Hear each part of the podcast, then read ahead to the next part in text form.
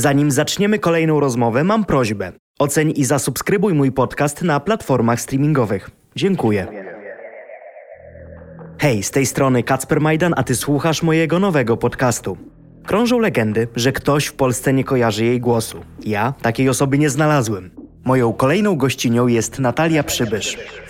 Jedyną płytę, którą tak zmęczyłam świadomie i miałam ją kupioną za własne pieniądze, to była Lauren Hill. Natomiast plakaty, jeśli pytasz o plakaty, no to jak było Brawo, to my z Pauliną, nie znając zespołów, po prostu wszystko w, sobie Aha. przyklejałyśmy. Czyli to była bardziej taka popkultura, coś jak na szybki, na kurtki, które nie za bardzo wiadomo co oznaczają, ale są fajne. Tak, nawet Mitlow się pojawił. Gdy zaczynała w zespole Sistars, cały kraj ją kochał. Dosłownie. Niestety, gdy dokonała aborcji, już tak bezgranicznie kochana nie była. Po tylu latach słuchania ostatnio mogliśmy też ją oglądać w reality show. Czy to pomogło? Sprawdzimy. Kiedyś usłyszałem, że naiwność nie zawsze jest głupotą. Często po prostu wyraża pewną naturalną i idealną oczywistość. Ja naiwnie wierzę, że po pandemii i wojnie przyjdzie w końcu czas spokoju. Teraz, zwłaszcza w branży rozrywkowej, nie jest to to łatwo, a mówiąc teraz, myślę o ostatnich trzech latach.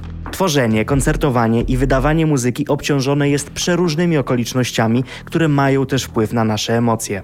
Szukam w sobie też sposobu na radzenie sobie właśnie z emocjami, bo tak jak chyba większość ludzi, widmo wojny i jednocześnie jakby plan zagrania koncertów to jest taka mieszanka w człowieku dosyć dziwna. No właśnie, a jak sprowadzić się na ziemię? No bo z jednej strony wydałaś super płytę, płytę, która do tego no, bazuje na niepublikowanych, niezaśpiewanych tekstach Kory, co jest no jakimś tam zaszczytem niemałym. Do tego widzę, że jakiś czas temu byłaś nominowana do Fryderyków. Tych emocji jest dużo, takich pozytywnych, na nich chciałbym się skupić. Jak stąpać mocno po ziemi, kiedy dzieje się w sumie tyle dobrego? Właśnie bardzo mocno stąpamy po ziemi, chyba wszyscy. Nie da się odkleić chyba, raczej w tą stronę. Nie da się? Myślę, że sporo osób się odkleja mimo wszystko. Ja nie mogę się odkleić. Jakby ja jestem bardzo mocno, wiesz, jednak ukorzeniona i tak wydaje mi się, że. Rzadko się to zdarza, ale jak wrzuciłem wczoraj na Instagrama informację, że będę dzisiaj rozmawiał z tobą, przysięgam ci na słowo, pierwszy raz miałem tak dużo wiadomości, że wszyscy, ale super. I zastanawiam się teraz, czy to jest efekt twojej kariery, która niewątpliwie jest bardzo owocna, czy też może reality show, w którym teraz wystąpiłaś? Ja tego nie wiem, bo ja się w ogóle nie znam na mediach i PR-ze. Ale zauważyłaś Ja na przykład jakąś zmianę na ulicy, że więcej osób nagle zaczęło cię poznawać za sprawą siły telewizji? Nie, dlatego że ja po prostu mam tak wielkie czapki. Mnie nie rozpoznaje nigdy. Nie jest to w jakiś sposób nobilitujące, jak ktoś cię rozpozna? Nie prowokujesz tego, żeby być rozpoznawaną? Absolutnie. A nie jesteś ciekawa na przykład, co osoby, które cię gdzieś zatrzymają na ulicy, mogłyby ci przekazać? Jakąś informację zwrotną na temat tego, co robisz, jaka jesteś, jak to wszystko wygląda? Znaczy latem, kiedy nie da się jakby okutać w ubrania, to się tam zdarza i nie ukrywam, że to w ogóle jest sympatyczne i czasem się po prostu ktoś do mnie uśmiecha i tak jakoś wysyła jakąś życzliwość. To jest miłe. To jest fajne, że tak jakby idziesz sobie ulicą i jakby to, że śpiewasz, że robisz coś, co jest w ogóle abstrakcją totalną, bo produkujesz niematerialne rzeczy, jakimi są dźwięki, No to jest bardzo nienamacalne, co robisz. i to powoduje, że w ogóle masz chleb, dzieci możesz nakarmić swoje i żyjesz z tego. To jest świetne. I czasem taki człowiek, który jeszcze za coś dziękuję na ulicy, to już w ogóle jest super. Za jakie rzeczy ci ludzie dziękują? Bo wiem i z wieloma artystami rozmawiałem, że ta relacja artysta-słuchacz często jest bardzo intymna, że czasami niektórzy z artystów wystarczy, że zajrzą w swoją skrzynkę odbiorczą na Instagramie i tam są naprawdę poważne wyznania, podziękowania, jakieś dzielenie się też swoimi problemami. Czy było kiedyś coś takiego, co cię przytłoczyło, jeżeli chodzi o informacje od fana? Bo to jest ciekawe. Czy mnie coś przytłoczyło? No, że na przykład ktoś się podzielił z tobą strasznie wielkim problemem, albo powiedział, że muzyka, którą tworzysz, była lekarstwem na ten wielki problem. I No to się po prostu często zdarza. Ale ja jestem w takiej jakby gotowości na to też, że po koncercie czasem się zdarzy, że ktoś powie do mnie coś ciężkiego, takiego z siebie, to ja jakby ja jestem po prostu wtedy w trybie zupełnie innym niż normalnie sobie żyję z- od poniedziałku do czwartku i nie znam tej osoby, ale jakby czuję, że to jest okej, że mogę posłuchać takiej historii i tej osobie jest to potrzebne, żeby ona mogła to powiedzieć jakoś mi, więc mam w sobie na to przestrzeń. Mhm. I, I cieszę się, że jakoś w piosenkach, które piszę, istnieje mechanizm, który coś robi i pomaga. To z tego się cieszę. Zastanawiam się, co było na początku, jeżeli chodzi o Twoją drogę muzyczną. Wielu artystom zadaję pytania i osobom w ogóle, z którymi tutaj rozmawiam, o inspirację, o takie osoby, które gdzieś zapalają w Tobie ogień, że robisz to, co robisz. Ja takie osoby też mam. W ogóle uważam, że warto mieć jakieś na początku wzorce. Jestem bardzo ciekawy, kto był takim muzycznie twoim impulsem, taką twoją inspiracją? Czyje miałaś plakaty nad łóżkiem? Od czego to się w ogóle zaczęło, że Natalia Przybysz robi to, co robi i robi to przez tyle lat w taki sposób? No, jedyną osobą, którą tak płytę zmęczyłam świadomie i miałam ją kupioną za własne pieniądze, to była Lauren Hill. Natomiast plakaty, no to jak było brawo, to my z Pauliną, nie znając zespołów, po prostu wszystko w, sobie Aha. przyklejałyśmy. Czyli to, to była bardziej taka popkultura, coś jak naszywki na kurtki, które nie za bardzo wiadomo, co oznaczają, ale są fajne. Tak, nawet Mitlow się pojawił. Okej. Wszystko jedno tam było, Cher, wszystko. Szer. Wszystko. Okej. Ale to nie łączyło się z jakąś faktyczną miłością do tych osób. Po prostu był taki etap, w którym wszystko się wieszało na wszystkim. A nie było tej ciekawości, że już skoro ktoś ze mną zasypia, budzi się, to warto byłoby sprawdzić w ogóle, kim ta osoba jest i co robi. Może troszeczkę wejść w nią głębiej? Nie.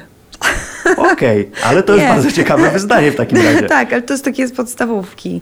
Bo na przykład to nie było tak, że można było mieć plakat tych osób, których się naprawdę słuchało i się lubiło. No. Nie były takie Aha. czasy. Ale bardzo lubiłyśmy Whitney Houston z Pauliną. Słuchałyśmy bardzo dużo Mahali Jackson, Billie Holiday, Ellie Fitzgerald, Duke'a Ellingtona, Cassandry Wilson i co jeszcze, co jeszcze, co jeszcze? są arty- ci arty- Arety Franklin, Aha. Jamesa Browna. Później jak się zaczęła faza, to Eryka Badu po prostu wszystko, co ona zrobiła. Bardzo dużo różnej muzyki. A została ta muzyka z tobą do dzisiaj?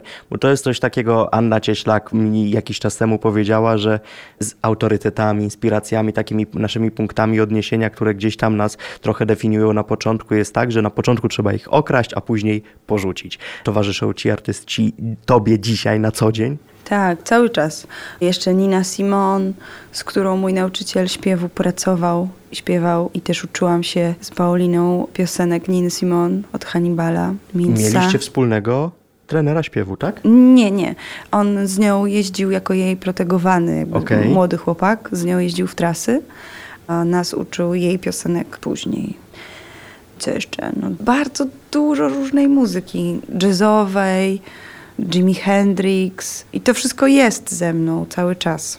Ostatnio Aretha Franklin się wyświetliła ratując moją duszę. Dzisiaj, jak patrzysz na rynek muzyczny, ty jesteś jakoś w stanie być z nim na bieżąco? Interesujesz się, jesteś w nim głęboko, czy raczej to już gdzieś tam jest jakiś oddzielny tor twojej działalności? Bo znam artystów, którzy mówią że wprost, że nie potrafią dzisiaj jakoś się przekonać do tego, co jest na rynku, nie potrafią się tym zainteresować, nie potrafią tego chłonąć. I na koniec dnia też to jest dla nich zdrowe, no bo nie są plagiatem tych artystów, że za bardzo gdzieś tam są różnego rodzaju rozwiązania, brzmienia i tak dalej w ich głowie. Jak to jest z tobą? Trochę się staram wiedzieć, co się dzieje, ale wiem, że nie nadążam kompletnie, bo po prostu musiałabym być dziennikarką chyba, żeby siedzieć i śledzić nowości. Chociaż trochę się staram i no, gdzieś algorytmy moje ulubione zespoły znają i mi podsuwają najświeższe rzeczy. Dużo się z zespołem moim dzielimy fajnościami, zajebistościami, inspiracjami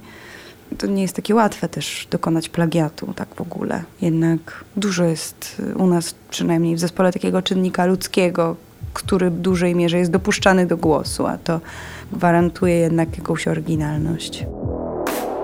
Branża artystyczna jest niepewna. Chociaż brzmi to jak truizm, to zdanie o bodźcach stresujących muzyka od dziecka wybrzmiało bardzo mocno.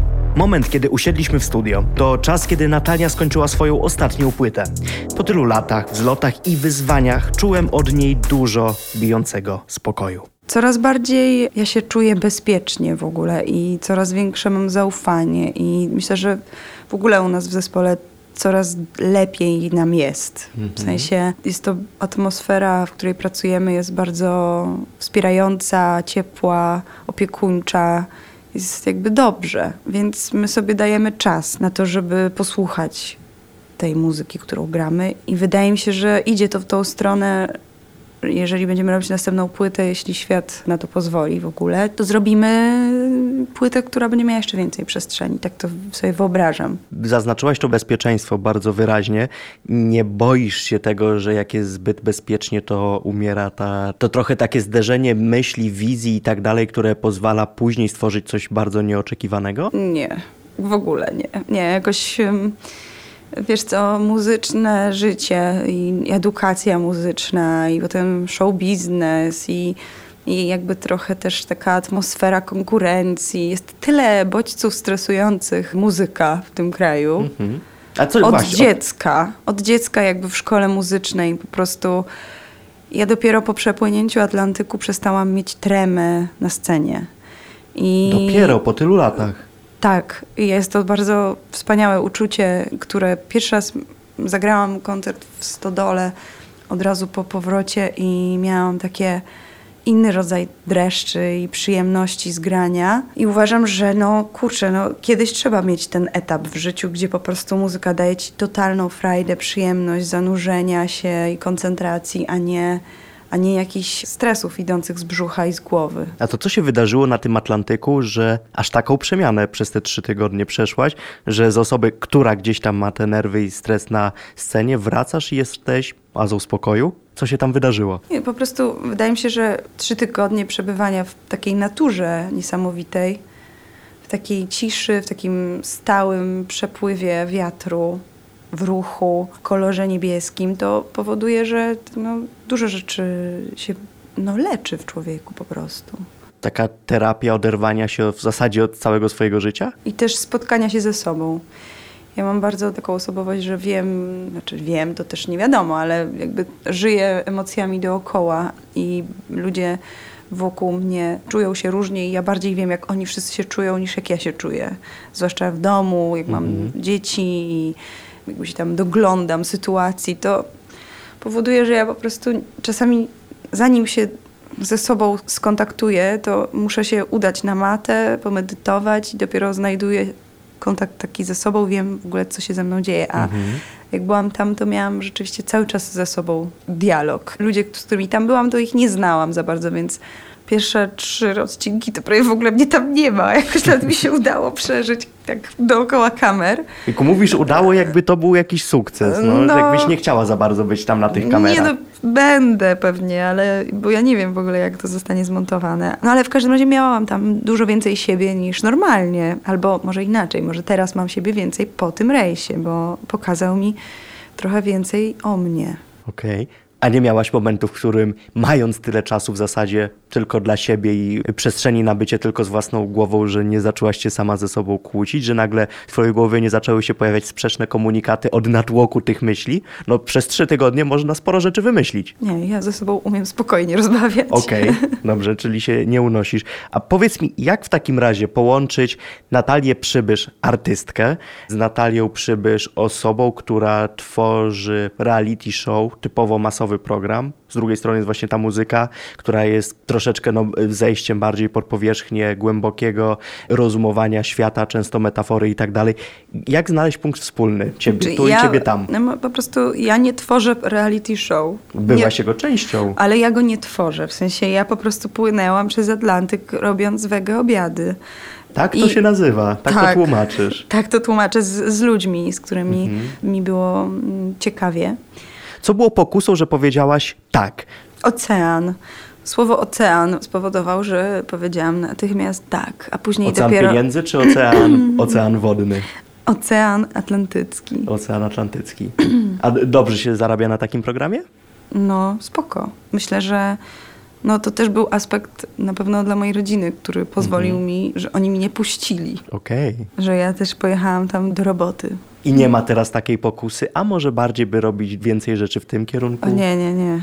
Nie, bo Na przykład tutaj... teraz program kulinarny, który byś zrobiła masowy, yy, wegański. Nie no, akurat wcale nie mówię. Akurat kulinarnym, wegański mogłabym robić. Okej. To znaczy, gdybym miała to super zorganizowane, żeby ktoś się chciał z tym zająć i to produkować, bo to musiałoby być jakieś, jakieś fajowe. Ale bardzo chętnie bym mogła. Gotowanie jest, uważam, wspaniałą misją. Wegańskie gotowanie. Moją idolką jest Marta Dymek, Mhm. którą zawsze serdecznie pozdrawiam. Ona mnie wzrusza do łez po prostu. Wzrusza. A czym cię Tak. wzrusza? No tym właśnie, że ona gotuje roślinnie i jakby idzie z tym i rozmawia i, i karmi, po prostu karmi ludzi roślinami. To Okej. jest wzruszające dla mnie. To no, rozumiem, rozumiem w sensie, bo zapewne jest dużo ludzi, których wzrusza golonka robiona przez Makłowicza czy Magdę Gessler, więc całkowicie też rozumiem twoje podejście, ale też rozumiem tą całkowicie wrażliwość, no bo ty też jesteś bardzo, twój weganizm chyba się wziął z wrażliwości na krzywdę stworzeń, które po prostu cierpią. No tak, totalnie. Jakby nie muszę tego jeść, nie muszę się do tego przyłączać i w związku z tym tego nie robię. Kiedyś powiedziałaś, kiedyś, kiedyś niedawno, że wbrew temu, co o sobie myślałam, dowiedziałam się, że lubię ludzi. I to było w kontekście tego reality show oceanicznego.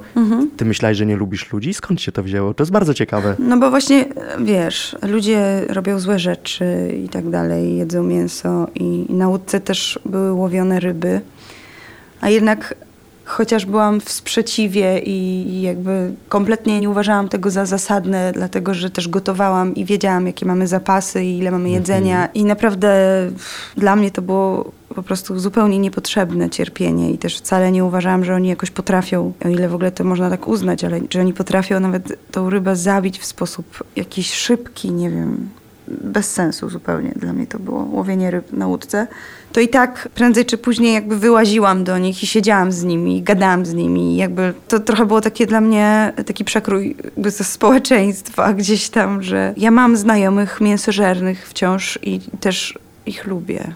No właśnie, bo się zastanawiam, bo na to pytanie odpowiedziałaś od razu kulinarnie, czyli te kulinaria są w stanie cię przekonać do jakiejś osoby albo od niej odepchnąć, tak? Przynajmniej je- na pierwszym, w pierwszym kontakcie. Trochę tak, trochę tak jest, dlatego że to jakiś jest zawsze zestaw wartości już, który nas łączy. No ale w sumie mój mąż jadł mięso, jak się w nim zakochałam też, O. a później przestał.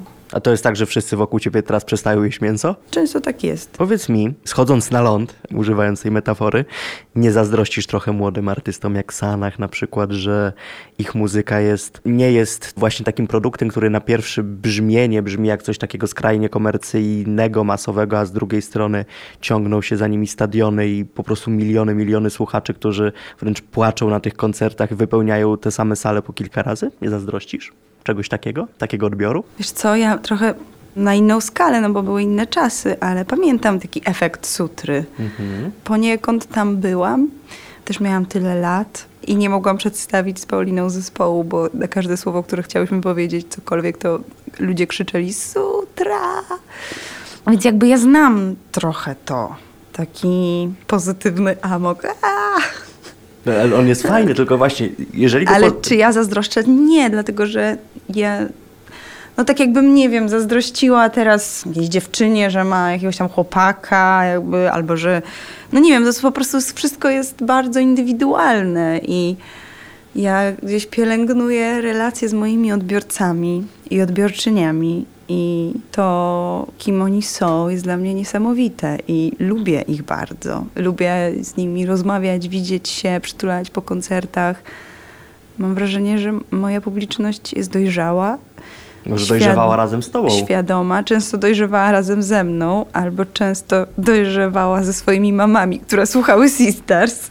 Nie, więc jakby lubię to, co, to, co jakby mam. Czyli to jest teraz taki dobry moment, takiej w zasadzie takiej oazy spokoju, że w zasadzie już swoje zrobiłaś i teraz chłonisz, nawet się nie stresujesz, tylko chłoniesz tą energię, tak?